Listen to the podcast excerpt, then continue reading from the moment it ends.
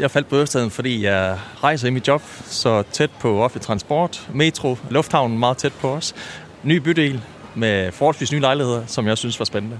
Jeg var også inde og kigge på lejligheder tættere på byen, men der var simpelthen for mange mennesker omkring mig. Vi var ude og se på lejligheder en søndag, og der var mennesker overalt. Jeg, sådan jeg har brug for lidt mere luft og ro omkring mig. Jeg flyttede fra et uh, parcelhus i, øh, i Aalborg-området og så til en lejlighed i København, så jeg tænkte, det skulle lidt luft. Og det føler jeg, at der er her i Ørestaden og ude ved, ved fælden specielt. I det sydlige Ørestad bor Claus Hermansen. Han kommer oprindeligt fra Aalborg, men flytter med sin kone til Amager i efteråret 2021, da han har fået nyt job. Claus Hermansen er en af de mange, som flytter til Ørestad, netop fordi bydelen er et trafikalt knudepunkt. Fra Ørestad kommer man nemt til Indre By med metroen, eller til Berlin eller New York med fly. Samtidig ligger fælleden lige ved siden af og skaber et grønt frirum. Han har dog visse savn i den endnu unge bydel. Der mangler måske lidt mere øh, kulturhoved, restauranter, øh, bar og lidt. Der er kommet en, lidt rundt omkring, og vi har også brugt nogle af dem, men jeg synes, der mangler lidt mere. Det er et stort område med masser af mennesker. Jeg synes, det er synd, at Fields skal have al trafikken. Jeg synes, at vi har sådan et flot område herude, også ude med fælden, og nu har vi lige fået øh, vores øh, street food, Ørestad Street Food, som er helt nyt, så det synes jeg er meget fedt. sådan nogle ting synes jeg er fedt. Længere nordpå bor en anden Claus, nemlig Claus Lorentzen.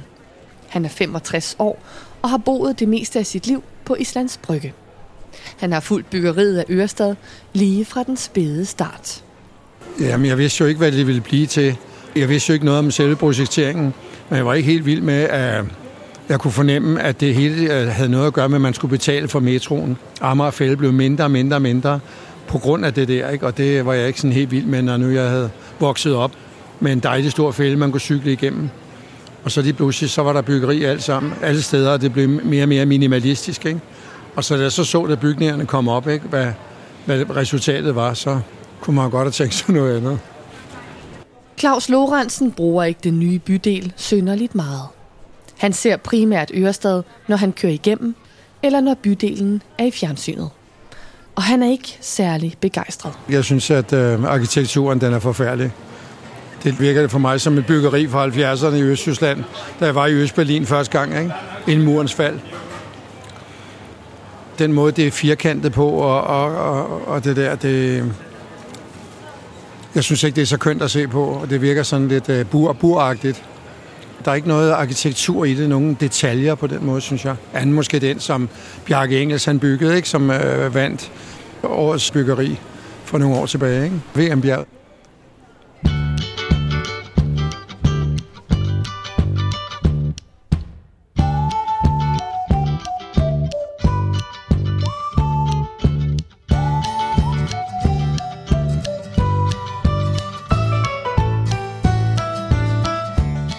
Lytter til Stemmer fra Amager. En podcastserie om Danmarks tættest befolkede ø. Om dem, der bor her, og alt det, der vil ske med øen. Dette er andet af fem afsnit om Ørestads historie. Om et gigantisk byggeri på Vestamager, en milliard gæld og politiske diskussioner. Trods sin ret korte historie har Ørestad haft enorm indflydelse på Amager. Og i denne serie er jeg gået sammen med en anden lokal historiker, nemlig Kirsten Flores. Mit navn er Maiken Astrup. Velkommen.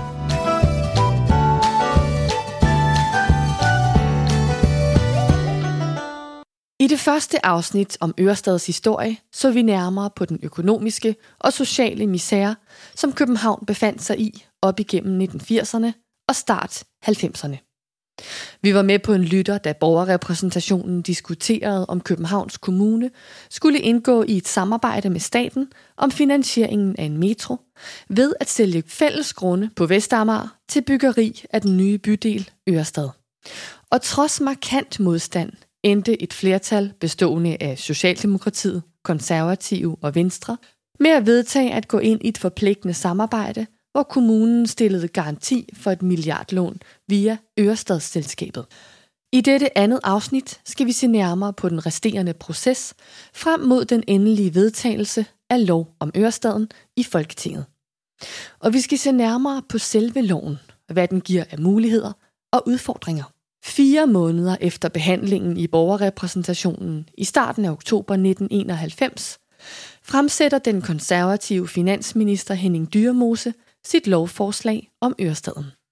Fra dette tidspunkt og knap ni måneder frem til tredje behandlingen i juni 1992 pågår en proces, hvor politikerne i Folketingets Miljø- og Planlægningsudvalg arbejder med høringssvar og forslag fra organisationer og fra folk på tinge.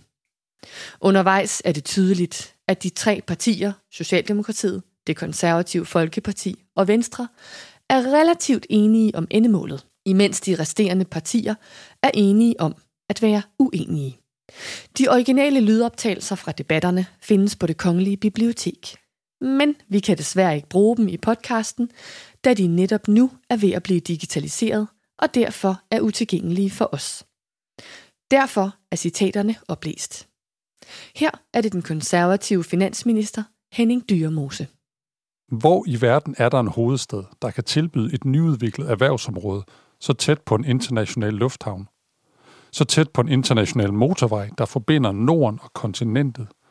Så tæt på en international jernbane, der forbinder Stockholm med Madrid og Rom? Så tæt på et internationalt udstillingscenter som Bella Centeret? Så tæt på en hovedstad som København med alle dens gamle kulturelle værdier? Og så tæt på et forskningsmiljø som Københavns Universitet – vi bygger op derude. Der findes ingen hovedstad i hele verden, der kan tilbyde de faciliteter så tæt på, og derfor bliver Ørestaden også så utrolig attraktiv. Blandt kritikerne i salen bliver der spurgt ind til finansieringsmodellen. Hverken de radikale, Kristeligt Folkeparti, Fremskridtspartiet, Centrumdemokraterne eller SF tror på, at det kan lade sig gøre at sælge markerne på Vestamager for 4 milliarder. Er arealerne brugbare? Er økonomien holdbar? Kan vi ikke bare få staten til at betale? Det er nogle af de spørgsmål, de rejser. Og pt. er der ingen investorer, som er interesseret i projektet, siger de. Til det svarer Dyremose. Vi ønsker slet ingen investorer til Ørestaden nu. Vi ønsker først investorer til Ørestaden om 5-7 år, når banen er bygget, når vejen er bygget, når værdien af grundene derfor er steget. Så jeg er bedøvende ligeglad med, hvilke kreditforeningsdirektører, der ikke vil investere her nu, for de får slet ikke lov her nu. De får først lov, når værdien er steget. Det er hele idégrundlaget i projektet. Der bliver stillet en garanti af staten og af Københavns Kommune, og kun så frem projektet går galt, og der absolut ingenting kommer af indtægter, vil Københavns Kommune og staten om føje år skulle skaffe pengene. Faktisk ønsker flere af de partier, som er modstandere af finansieringsmodellen, at hovedstaden og Amager får sine trafikforbedringer, men de vil gerne adskille dem fra projekt Ørestad. Således at staten og måske kommunen i fællesskab betaler for den nye metro, motorvejen over Amager og de øvrige veje. Til det svarer fortalerne, at en metro ikke kan finansieres uden Ørestad. De to ting hænger uløseligt sammen. For staten vil ikke bruge så mange penge på én enkelt kommune i landet. Også selvom det er hovedstaden. Centrumdemokraterne melder allerede under anden behandlingen ud, at de har tænkt sig at stemme blankt. De er for metro og nye vejnet, men imod finansieringsmodellen. Som Svend O. Jensen udtrykker det. Jeg forudser, at denne lov vil blive ændret til ukendelighed og udskudt antal gange. Skatteyderne skal ikke gøre sig nogen illusioner. Statens og kommunernes garanti vil formentlig komme til udbetaling. Nu vel, så får man da trafikanlæggene, og de skal nok i løbet af nogle årtier vise sig anvendelige. En anden modstander af lovforslaget, Åge Brusgaard fra Fremskridtspartiet, lægger vægt på de mange borgere og organisationer, som har fået foretræde i Folketingets Miljø- og Planlægningsudvalg i det lovforberedende arbejde for at tilkendegive deres holdning til lov om Ørestaden. Jeg mener, at alle odds er imod, og det er uklogt at planlægge et så stort byggeprojekt på så spinkelt et grundlag. Vi har haft mange deputationer i Miljø- og Planlægningsudvalget siden forslaget var til første behandling, og ikke én eneste har bedt om at få en ny by i Ørestaden. De radikale ser heller ikke videre positivt på projektet, hvilket Jørgen Estrup opsummerer således. Jeg synes, det er et fremskridt, at man erkender de trafikale problemer, der i mange år har plaget Amager om ønsker at gøre noget ved dem. Der er i dette forslag først og fremmest tale om en udviklingsmodel og en finansieringsmodel, hvorom det pæneste man kan sige er, at den er uholdbar. Der er tale om trafikinvesteringer, så derved kommer til at hænge i den berømte tynde tråd, og der er også tale om et forhold til natur og miljø, som må gøre en overordentligt betænkelig. Generelt vurderer modstanderne af lovforslaget, at finansieringsmodellen er uholdbar. De er med på, at hovedstaden står i en økonomisk krise, men de ser ikke vækst som en reel mulighed. Og hverken de radikale eller Fremskridtspartiet tror på, at efterspørgselen på erhvervslokaler vil stige forløbig. Der er jo allerede rigeligt med ledige kontorer i hovedstaden.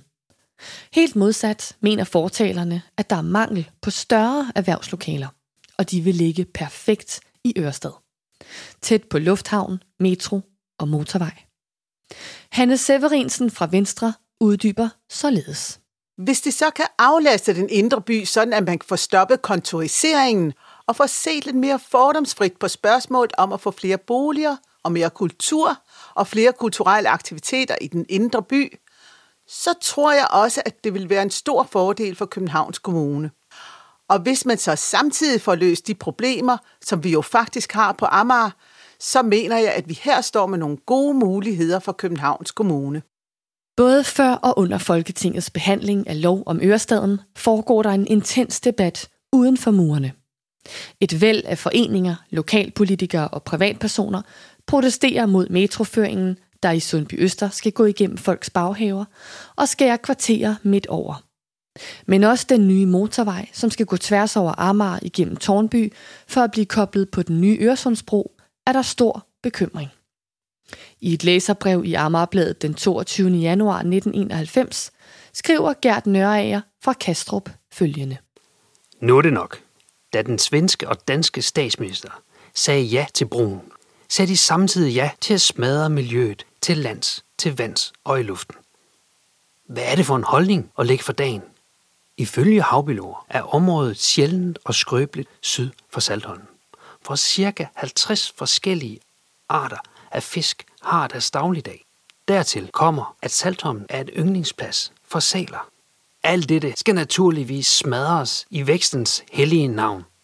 Endvidere skal hele Amagers befolkning ligge ryg og lunger til en støjende, osende og sygdomsfremkaldende motorvej, der vil dele Amager i et hug, tværs over i en sydlig og en nordlig del.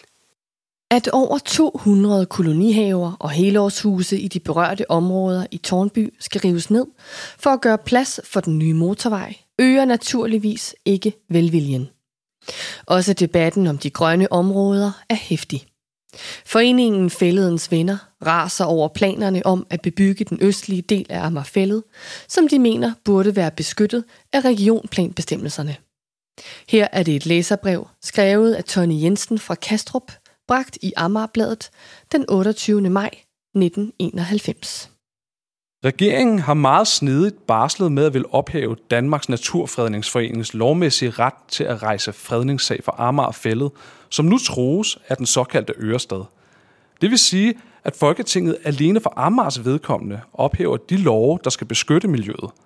Fremover kommer vi nok til at indføre en passus i lovene, at disse ikke gælder for Grønland, Færøerne og Amager. Amager Erhvervsråd ser store muligheder for, at både Øresundsbroen og Ørestad kan vende den skræntende økonomi, både i erhvervslivet og helt generelt. Her udtaler formanden for Amager Erhvervsråd, Henning Olsen, sig til Amagerbladet den 10. september 1991. Jeg tror, at virksomhedens økonomi vil kunne rettes op. En ting er, at mange er ude i en kedelig og uheldig situation i øjeblikket. En anden er, at der netop nu arbejdes fra mange sider på at rette kursen op. I den forbindelse mener vi, at Øresundsforbindelsen vil få en meget stor og positiv indflydelse på hele det amerikanske samfund. Amager Erhvervsråd ser det også som en nødvendighed, at der skabes en ændret struktur i øens erhvervsliv.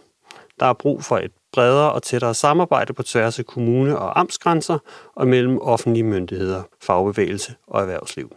Hvis vi skal kunne drage positiv nytte af de muligheder, den faste forbindelse til Sverige åbner for. Her tænker jeg især på anlæggelse af bybane, udnyttelse af erhvervsarealer og udbygning af trafikforbindelser. Der er også kritik af planen om at bygge mere end 3 millioner nye kvadratmeter kontorarealer, når nu der allerede står 1 million tomme erhvervskvadratmeter i hovedstadsområdet. Den anklage responderes der på i en artikel i Amagerbladet den 15. oktober 1991. At København har for få kontorlokaler bekræfter en undersøgelse udført af Planstyrelsen, der kun har fundet 350.000 ledige kvadratmeter. Københavns planlægningsdirektør Knud Rasmussen betegner diskussionen om tomme lokaler som avishistorier uden indhold. Det, der skiltes med i byen, og som mange bruger som argument for deres påstand om overflødige kvadratmeter, er mindre lokaler. Jeg kan love, at hvis vi fik en ansøgning om at godkende lokalerne som bolig, så lejen kunne komme hjem, ville vi gøre det øjeblikkeligt. Men det er aldrig sket, og derfor er det næppe noget alvorligt problem, mener Knud Rasmussen. Ørestaden skal ifølge planen fra 1993 sælge 75.000 kvadratmeter om året til danske og udenlandske købere, og det vil næppe være forbundet med større vanskeligheder, mener plandirektøren. De virksomheder, der lægger vægt på hurtige og let tilgængelige transportmuligheder, som for eksempel en stor lufthavn, vælger byen. Kan de ikke få noget attraktivt der, så vælger de skam ikke en omegnskommune, men derimod Hamburg, siger Knud Rasmussen. Debatten er lige så intens uden for Christiansborgs mure som indenfor. Argumenterne for og imod en ørestad fyrer gennem luften.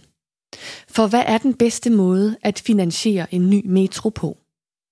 Tilbage i Folketingssalen er Socialdemokratiet efterhånden af den opfattelse, at det under lovbehandlingen er lykkedes at finde en god løsning til at beskytte de grønne områder på Amagerfællet. Hans Peter Bådsgaard uddyber. For det første er det egentlig erhvervsbyggeri nu samlet i områdets sydlige del, som i forvejen er udlagt til erhverv i Regionplan 1989. For det andet er der taget vidtgående hensyn til arealet på Amagerfældet. Området med søer og moser udvides nu fra, som det var i lovforslaget, 16 hektar til at være 31 hektar, der skal beskyttes i henhold til naturbeskyttelsesloven, som den ser ud fra den 1. juli. Der skal desuden tages vidtgående hensyn til søernes og mosernes omgivelser, blandt andet ved etablering af faunapassage imellem søerne og imellem søerne og den øvrige del af Amagerfældet. For at tilgodese disse hensyn er det også sikret, at mindst 15 hektar ud over de førnævnte 31 hektar vil blive friholdt for byggeri. Det er også en styrkelse af det grønne i forslaget, at det nu er sikret, at kalvebod Kilen bliver fredet helt op mod nord. Og i den forbindelse er det opgivet at bygge de 2.000 boliger, som det ellers var planlagt at opføre. De er flyttet til andre områder. Danmarks Naturfredningsforening og Friluftsrådet ligger heller ikke på den lade side. De sætter en fredningssag i gang for den østlige flanke af Amagerfællet i et forsøg på at stoppe byggeplanerne. Som du måske husker fra det forrige afsnit, så er det, vi i dag kalder strandingen, ikke decideret fredet, men er udlagt til naturområde i regionplanbestemmelserne. Men da disse bestemmelser er politisk betingede, kan de omgøres. Så da en fredningssag sættes i værk, får man indskrevet paragraf 17 styk 2 i forslaget til lov om Ørestaden. Den lyder således. Med virkning fra denne dato bortfalder verserende sager efter lovgivningen om naturfredning inden for Ørestadsområdet. Både det radikale Venstre, Kristi Folkeparti og SF er forarvet over denne formulering. Her udtrykker Sten Gade fra SF det således. Det er mig ufatteligt, at en miljøminister og Socialdemokratiet vil stå model til at gribe ind i en verserende fredningssag. Det drejer sig om den del af dette projekt, der har været drøftet mest i offentligheden. Og det er her, offentligheden med rette kan føle, at der bliver trådt på den offentlige debat. Nemlig derved, at man ikke respekterer, at der er rejst en fredningssag vedrørende fælleden. Danmarks Naturfredningsforening har jo ikke rejst den tidligere. Alle her kender grunden. For der var aftale om man ikke rørte fælleden. Men det, der nu sker, er, at regeringen og Socialdemokratiet er ligeglade med den aftale og griber ind i en fredningssag. Dagen før tredje behandling af loven, den 18. juni 1992, har fredningsnævnet enstemmigt vedtaget at frede den sidste østlige del af Amagerfællet, den gamle stranding. Jes Lunde fra SF ytrer sig således dagen derpå. Vi har lige fået oplyst her til morgen, at der faktisk er afsagt en kendelse. At landsdommer Rejser oplyst, at fredningsnævnet efter sit møde på Ammerfælde i går har besluttet at gennemføre en fredning af Ammerfælde. Ja, så jeg går derfor ud fra, at det flertal, der har været bag lovforslaget her og nu, er villige til at trække forslaget tilbage, ja selvfølgelig i respekt for domstolene. Altså man skal forstå, at vi har en tredeling mellem lovgivende, udøvende og dømmende magt. Ja, jeg føler, man overskrider den øh, tredeling krop, hvis man sidder sådan en kendelse overhøring. Jeg er opmærksom på, at der selvfølgelig er ankemuligheder til overfredningsnævnet, men så må man lade sagen vente på det. Man må så tage det af dagsordenen nu og vente på, at fredningssagen bliver afklaret.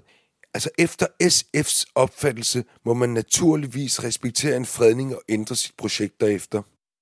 Forslaget får dog ikke nok opbakning. 25 stemmer for og 92 imod. Flertallet, Venstre, Konservative og Socialdemokratiet, fastholder beslutningen om at stoppe verserende sager. Den konservative miljøminister Per Stig Møller refererer til, hvad han tidligere har sagt om den igangværende fredningssag. Jamen undskyld. Hvornår blev fredningssagen egentlig rejst? Den blev rejst, da det blev klart, at Folketinget vil regulere arealanvendelsen ved lov.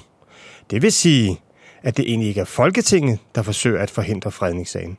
Det er fredningssagen, der forsøger at forhindre Folketinget i at træffe en afgørelse, og det er ikke særlig demokratisk. Jeg kan heller ikke se, at Folketinget kan bindes af, at forvaltningen i 1987 har indgået en aftale. Det ville jo netop betyde det, som herr Gade var så betænkelig ved ved sidste gang, nemlig at staten var meget stærkere end folkestyret. Men det kan staten naturligvis ikke være. Folkestyret sidder her, og her kan man beslutte sig til, som man har kunnet i andre arealanvendelseslove, hvad man vil bruge et område til. Og således bliver det. Socialdemokratiet, Venstre og Konservative stemmer for. Centrumdemokraterne stemmer blankt, imens det øvrige folketing bestående af Fremskridtspartiet, Radikale Venstre, SF og Kristeligt Folkeparti stemmer imod. Med et flertal på 92 stemmer er lov om Ørestaden vedtaget.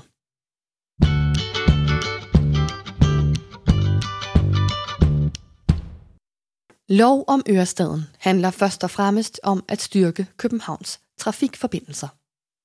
Byen skal bindes tættere sammen, og det skal være nemt at komme rundt. Det opnår man med en metro. Samtidig vil politikerne gerne binde os tættere til udlandet. Det sikrer en Øresundsbro og en lufthavnsudvidelse, imens en motorvej hen over Amager sørger for nem adgang til bro og lufthavn. Og nu, med lov om Ørestaden, er der fundet en finansieringsmodel for anlæg af denne metro. Øresundsbroen betales af med indtægter fra de millioner af bilister, som hvert år forhåbentlig vil køre over broen. Imens skal metroen finansieres ved at sælge grunde på Vestamager, efter metroen er opført og grundene er steget betragteligt i værdi, selvfølgelig. Men hvad skal der nu ske, nu hvor loven er vedtaget? Hvad står der i lov om Ørestaden? Og hvilke muligheder og konsekvenser har det? Det ser vi nærmere på nu. Noget af det, man var uenig om, da man behandlede lov om Ørestad i Folketinget. Det var den her specielle konstruktion, hvor man siger, at man laver et selskab, som skal arbejde med en del af København. Altså, det var en meget speciel finansieringsmodel, hvor man havde de her grunde, som man formodede, man kunne sælge til en vis pris. Men samtidig havde øh, Københavns Kommune og nogle af omegnskommunerne jo også ledige erhvervsarealer alle mulige andre steder i byen. Så det her med prisdannelsen på grundene var jo på daværende tidspunkt, hvor man også var i en meget kritisk samfundsøkonomisk situation, meget usikre. I lov om Ørestadens paragraf 1, styk 1, står der. Københavns Kommune og Finansministeren kan stifte et interessentskab. Interessentskabets navn er Ørestadsselskabet IS. Københavns Kommune ejer 55 procent af interessentskabet, Finansministeren 45 procent. I et interessentskab hæfter ejerne personligt, ubegrænset og solidarisk. Med andre ord er det kommunen og staten, der garanterer at betale et eventuelt underskud i Ørestadsselskabet. I samme paragraf uddybes det, at der kan stiftes flere interessentskaber, som skal varetage byggeriet af de forskellige metrolinjer. I paragraf 1, styk 5, står der. Bestyrelsen for Ørestadsselskabet IS består af seks medlemmer, heraf tre udpeget af Københavns Kommune og tre udpeget af Finansministeren. Den første bestyrelse blev nedsat i 1993 og består af seks politisk udpegede repræsentanter for de to offentlige ejere, Finansministeriet og Københavns Kommune. Men hvorfor er det et interessentskab, der skal styre Ørestad-projektet? Og hvad har det af konsekvenser? For at komme mere til bunds i den problematik, har jeg taget en snak med Claus Lassen, som er lektor på Aalborg Universitet. Han beskæftiger sig med infrastruktur og byudvikling, og så ved han en hel del om Ørestad. stærkt inspireret fra især England, ville man rigtig gerne lave en konstruktion, og det var det, man gjorde med lov om, om Ørestad, som kunne sikre, at det her det kunne gå mere smidigt end i, i det eksisterende plansystem, som man øh, på forskellige niveauer politisk nok betragter som lidt gammeldags og lidt tilbageskuende. Og så fandt man på i Finansministeriet det her med, at man skulle vælge selskabsmodellen, hvor det så blev et øh, privat selskab. Men det blev så ikke mere privat her i Skandinavien, end at det endte med at være det offentlige, der ejede hele selskabet. Men det var så et selskab, der blev efterfølgende drevet på øh, privatretslige grundlag, og det gav så også efterfølgende øh, en række udfordringer og meget diskussion. Så konstruktionen af et interessentskab handler altså om at effektivisere processen. Ved at lægge beslutningerne i hænderne på en selvstændig organisation, etableret af kommune og stat, frem for i en offentlig institution, håber man at kunne arbejde fokuseret med projektet og speede hele processen op, så Metro og Ørestad kan komme op og stå hurtigst muligt. Det handler nemlig om at forvente hovedstadens elendige økonomi. Og apropos økonomi, så får du lige paragraf 2 i lov om Ørestaden. Der står nemlig, Københavns Kommune og Finansministeren indskyder den østlige del af det areal på Vestamager, som ejes af Københavns Kommune og staten i fællesskab, samejet af 1963 i Ørestadsselskabet IS. Dette areal kaldes Ørestaden. I styk 2 står der, Selskabet skal forestå udviklingen af Ørestaden, herunder sælge arealer fra Ørestaden. Så i paragraf 2 får Ørestadsselskabet overdraget et stort jordareal, som de så skal sælge senere i processen, når der står en færdigbygget metro og vejene er etableret. Valget af den konstruktion har vi også talt med den daværende socialdemokratiske overborgmester Jens Kramer Mikkelsen om.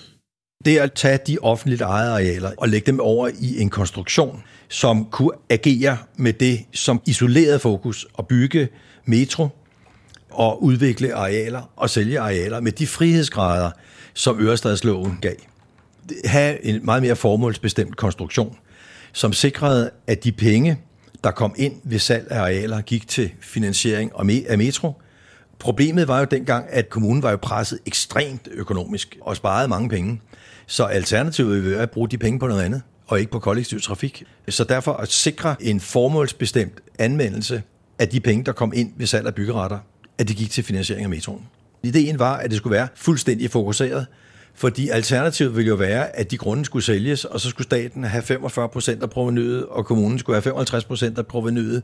Og det kunne da godt være, at de 45 procent af provenyet så blev brugt til motorvejsudbygning i Nordjylland, og ikke til infrastrukturinvesteringer i København. Så det var arealer, der ikke ellers ville blive udnyttet, og hvis de skulle udnyttes, så skulle de jo gerne bruges i Københavns infrastruktur. Så staten og Københavns Kommune skyder de fællesejede grunde ind i selskabet for at sikre, at pengene bliver brugt til at betale af på metrogælden. Når først indtægterne for salg af byggegrunde ligger i Ørestadsselskabet, så kan de ikke bare trækkes ud igen, men skal anvendes som lov om Ørestaden foreskriver. Hvis pengene ligger i en offentligt tilgængelig kasse, så kunne nogen jo få gode idéer til, hvordan man ellers kunne bruge de mange millioner. Men valget af interessantskab giver nogle andre udfordringer, som Claus Lassen uddyber. Man kunne jo vælge mellem alle mulige forskellige selskabsformer. Man kunne have valgt et aktieselskab osv., men man valgte at lave det som et IS. Det var nok den mest lukkede selskabsform, man overhovedet kunne finde, fordi der er en øh, begrænset meddelerpligt, hvis man sammenligner med et aktieselskab, og det er jo meget vidtgående i forhold til den måde, man hidtil der havde øh, gennemført planlægning.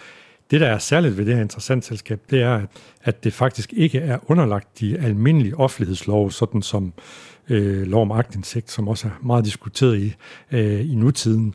Og Ørestadsselskabet, det er måske en lille krølle til historien, er faktisk selv i tvivl, om man er det, da man blev dannet.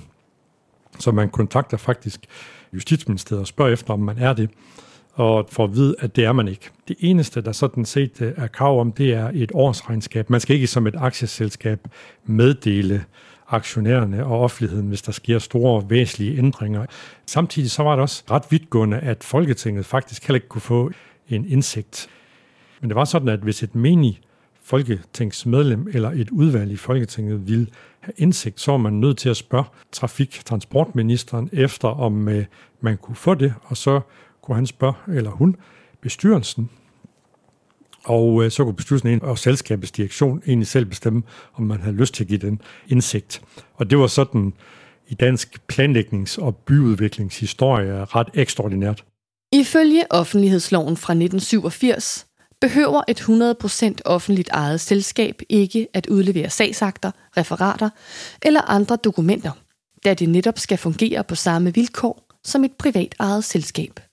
Journalister eller andre, der gerne vil undersøge, hvordan selskabet forvalter de offentlige penge, har derfor svært ved at få indsigt. Det afføder en hel del kritik, både fra journalister, borgere, politikere og fra forskere. En af de virkelig krasse kritikere er arkitekten og byplanlæggeren Arne Gormand. I 1990'erne er han gæsteprofessor ved Arkitektskolen i Aarhus, lektor på DTU og adjungeret professor ved Aalborg Universitet. Han mener, at der er sket et skifte i 1990'erne, hvor flere af de store offentlige anlægsprojekter i stigende grad styres af politisk udvalgte bestyrelser, der træffer store beslutninger bag lukkede døre. De store offentlige byggeprojekter styres af få personer i toppen af samfundet, i staten, de politiske partier, interesseorganisationer og erhvervslivet. I 1996 udgiver han en bog om det, han kalder Mahonibors-metoden. Altså metoden, hvor nogle få mænd og kvinder i toppen af samfundet tager beslutninger om store samfundsanlægner, såsom Metro og Ørestad, hen over deres mahonibord. Jens Kramer Mikkelsen kender til kritikken, men afviser, at man fra start har tænkt selskabet som en lukket konstruktion for at forhindre offentligheden i at få indsigt. Jeg tror ikke, der var nogen af os, eller nogen af dem, der sad med lovgivningen tilbage i øh, begyndelsen af 90'erne, som øh, havde blik for alle mulige detaljer. Altså, det, der var fuldstændig pivklart, det var, at lokalplankompetencen lå, hvor lokalplankompetencen skulle ligge, nemlig i borgerrepræsentationen, og byggesagsbehandlingen lå i Københavns Kommune. Der har simpelthen ikke været et ønske om, nu laver vi det her bag lukkede døre og øh, nedrullede gardiner bag de tykke mure, og så træffer vi nogle grimme beslutninger, som ikke tåler dagens lys. Altså, ja, beslutningen blev truffet bag lukkede døre, men, men det var ikke sådan, at det handlede om at undgå, at offentligheden skulle vide, hvad der foregik. Jeg tror, at åbenhed har været helt afgørende betydning. Du kan også se, at vi jo er egen drift på et tidspunkt i 2004, selvom Ørestadsloven ikke var omfattet af reglerne om magtindsigt, af egen drift vælger at gøre det, at optræde som om vi var omfattet af reglerne om magtindsigt. Det gør vi i 2004. Men Jens Kramer Mikkelsen medgiver, at de lukkede døre har haft en betydning for det syn, kritikerne anlægger på projektet. Selskabskonstruktionen kom til utilsigtet at skabe en myte om, at det her det var lukket. Og det var der jo så dem, der politisk ikke var tilhængere af den her model med at finansiere metro og udvikle metro på den her måde, som jo også havde en interesse i at vise, at det her det foregår bag nedrullede gardiner og alt muligt, ikke tåler dagens lys osv. Men jeg er enig i, at konstruktionen på den måde utilsigtet kom til at give billedet af en lukkethed, som ikke var meningen. Så ifølge Jens Kramer Mikkelsen er lukketheden vand på kritikernes mølle. Han bliver delvist bakket op af Claus Lassen. Det skabte øh, ret mange myter også. Og jeg tror, at nogle af dem måske var rigtige, men altså Ørestadsselskabet blev også skudt ret mange ting i skoene af alverdens ulykker, som nok skyldtes den her øh, lukkede konstruktion og den måde, man havde skruet det sammen på, som var historisk. Det udsprang i, at man politisk simpelthen gerne ville have det til at gå noget hurtigere, fordi man synes, man var i en meget for befolkningen kritisk situation, hvor man virkelig gerne ville sparke til væksten og øh, udviklingen i, i Danmark. Men ifølge Lassen sker der ændringer, som også Jens Kramer Mikkelsen antyder. Ørestadsselskabet forsøger at lukke mere op for omverdenen. Op gennem nullerne, der fik man også øh, en langt større interaktion med det omkringliggende samfund. Man fik øh, studerende på besøg, man talte med naboer, man begyndte også at overveje nogle af de greb, man lavede i den første del af processen, om de var øh, hensigtsmæssige i den videre udvikling af Ørestaden osv. Så, så det er mit klare indtryk, at fra at starte meget lukket, så, så er der sket en udvikling, og man kan måske sige, at det er jo i virkeligheden måske det vigtigste, der er kommet ud af den meget voldsomme kritik. Det er måske i virkeligheden, at der kom mere fokus på åbenhed og på de problemer, der var i starten. Udover at Ørestadsselskabet begynder at give mulighed for agtindsigt, så bliver det i 2007 splittet op i to selskaber. Metroselskabet og Arealudviklingsselskabet IS, senere kendt som By og Havn. Med den ændrede selskabskonstruktion beslutter man at underlægge begge selskaber offentlighedsloven. Men Claus Lassen understreger, at der stadig den dag i dag er udfordringer. Det er ikke sådan, at problemerne omkring den her lukkethed fuldstændig er forsvundet som duk for solen. Og det hænger også sammen med det der øh, paradigmeskifte, man fik i starten af 90'erne, hvor man gik fra den her lighed, mere deltagelsesorienteret fokus i planlægning, til at lade økonomien spille en større rolle, og det her forestilling om, at byerne og planlægningen også skulle levere et økonomisk paradigme om udvikling og vækst og fremgang i samfundet på mere markedslignende vilkår. Det har jo omdannet hele den måde, vi går til den fysisk rummelige udvikling og bypolitiske udvikling af vores byer, vil være min påstand.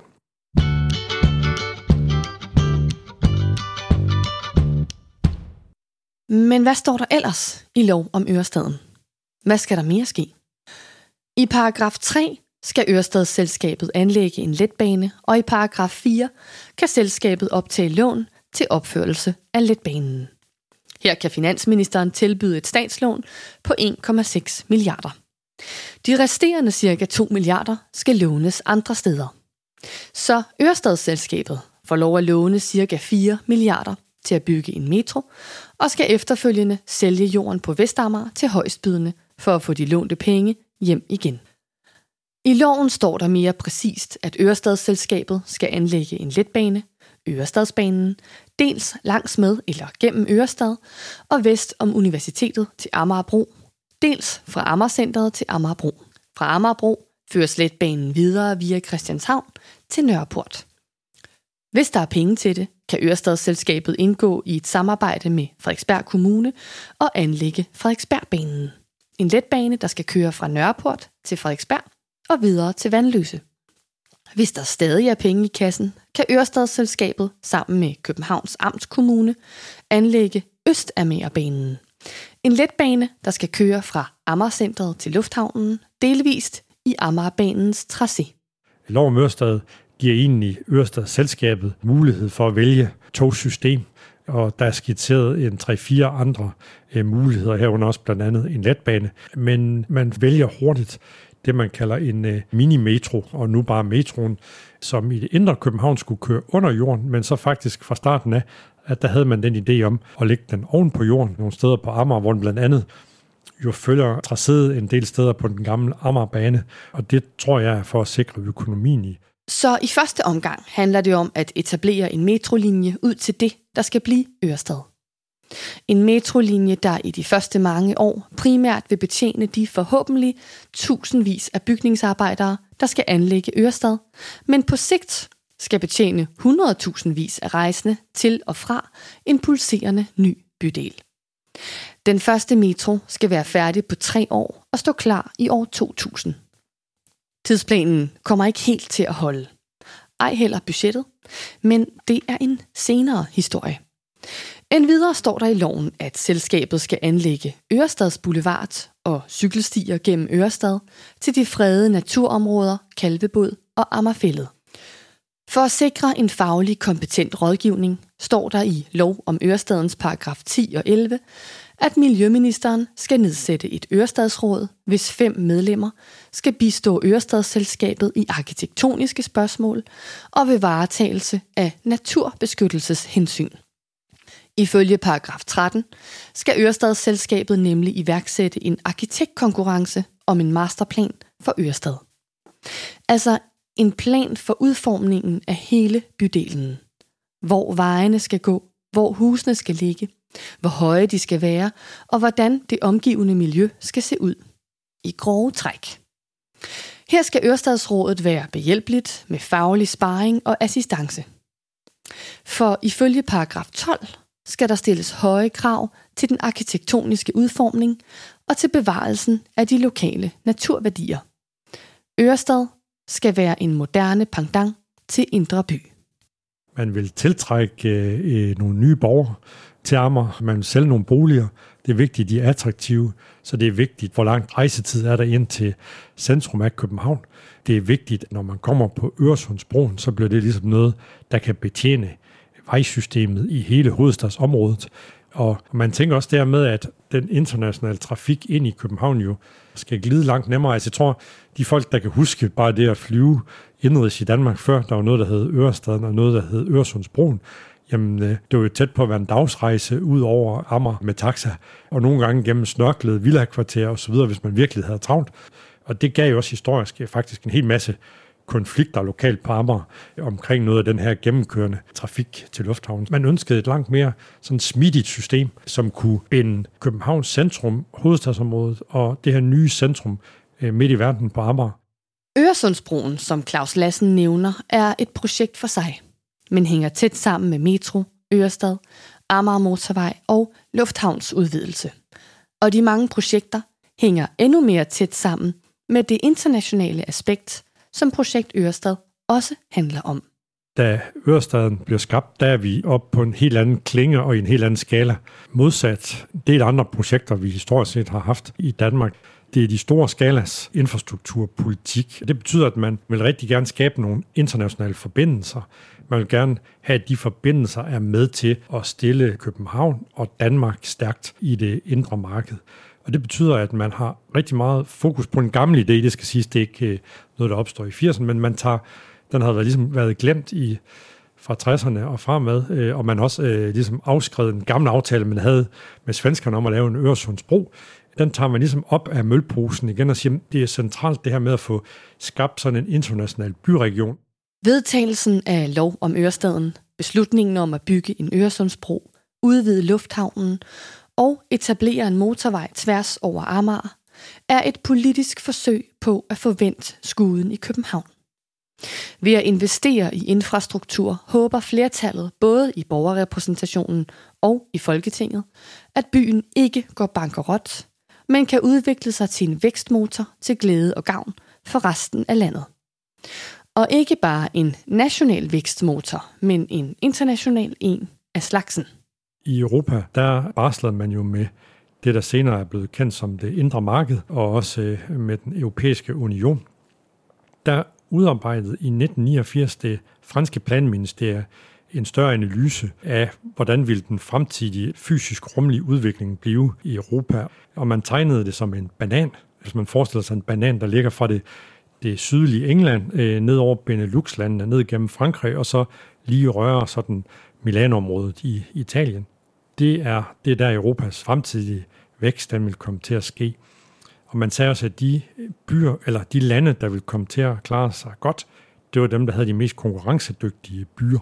Jamen, det var noget med beskæftigelse, det var noget med high-tech forskning og virksomheder, og man målte ligesom meget, hvordan byerne stod i forhold til hinanden. Så det galt egentlig, ifølge den her rapport om at for at kunne klare sig i det indre marked og få skabt nogle øh, spydspidser, der kunne klare sig i det her. Det kunne enten ske ved, at man satsede på nogle storbyområder som København, eller på nogle byregioner, hvor byer de samarbejdede på tværs om nogle bestemte emner.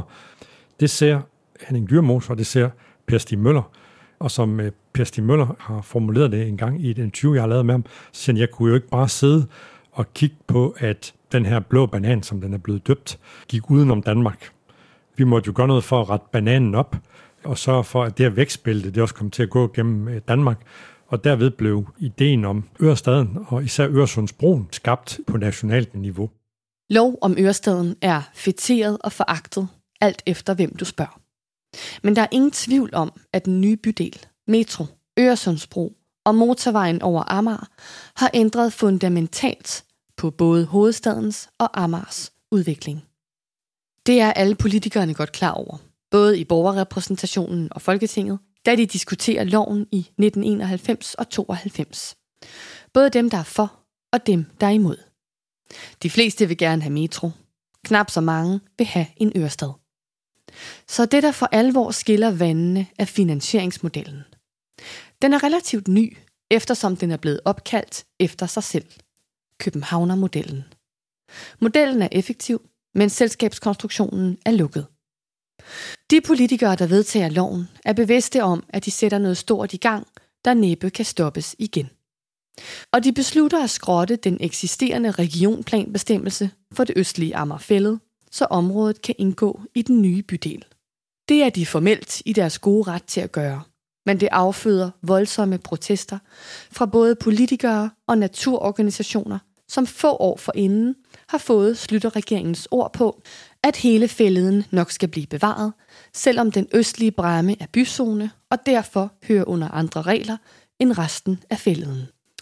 Og det viser sig jo senere i historien, at netop denne beslutning ikke får lov at dø i synden. Da Ørestadsselskabet, i dag kaldet By og Havn, i 2017 skal i gang med at bygge det fjerde og sidste kvarter, Ørestad Fældet Kvarter, eksploderer protesterne mere eller mindre mellem hænderne på dem. Men det er en helt anden historie, som du ikke får nu. I stedet får Claus Lassen det sidste ord. Jamen, jeg synes jo også, man må sige, at de folk, der satte sig sammen og besluttede sig for at satse på hele den her infrastruktur, investering i København og i Danmark med Øresundsbro og Ørestad, Lufthavn, jernbane og udbygning af vejsystemer og tiltrækning af mange internationale virksomheder og meget ny arkitektur i København har været med til at bringe København op i en helt anden international liga, hvor København jo på en international skala er et meget attraktivt sted at komme til at bo og leve. Det er selvfølgelig også en bagside af medaljen, og det har selvfølgelig også gjort, at leveomkostninger og det, at i en almindelige mennesker kan bo i København, er kommet under et stigende pres, øh, som vi jo har set i en række andre lignende internationale byer, ikke kun i Europa, men også i USA, Australien osv., ser man helt parallelle udviklingstendenser. Så på en eller anden måde, så er udfordringen, tror jeg, øh, i fremtiden jo, at København skal også virkelig være opmærksom på ikke at blive kvalt i sin egen succes.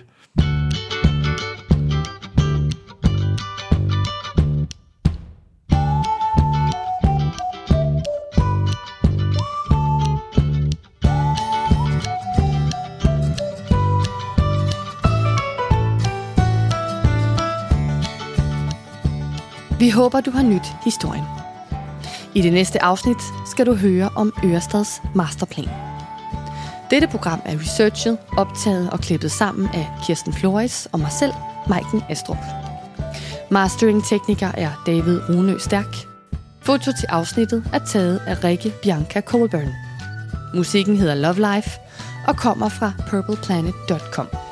Citaterne er blevet oplæst af følgende. Mathias Andersson, Thomas Christensen, Jesper Pørksen, Jesper Løvdal, Sune Evert Astrup, Rasmus Stenbauer, Chris Pedersen, Henrik Hansen, Emil Vergara, Robin Moll, Markus Lemser, Kirsten Floris og Anders Åmand Anderskov. Til dette afsnit har vi benyttet os af et væld af kildemateriale. Først og fremmest fra Folketingets oplysning, fra By og Havns Arkiv og fra Tornby Lokalarkiv. Herfra har vi referater fra debatter og behandlinger i Folketinget, rapporter om Ørestad og gamle lokalaviser. Der findes et væld af bøger og artikler om emnet, som vi er dykket ned i. Meget af det kan du finde på biblioteket. Stemmer fra Amager har en Facebook-side og en hjemmeside, stemmerfraamager.dk, hvor du kan læse mere om projektet. Denne serie om Ørestads historie har fået støtte af Amager Vest Lokaludvalg og er en del af Copenhagen in Common. UNESCO har nemlig udvalgt København som arkitekturhovedstad i 2023. På genhør.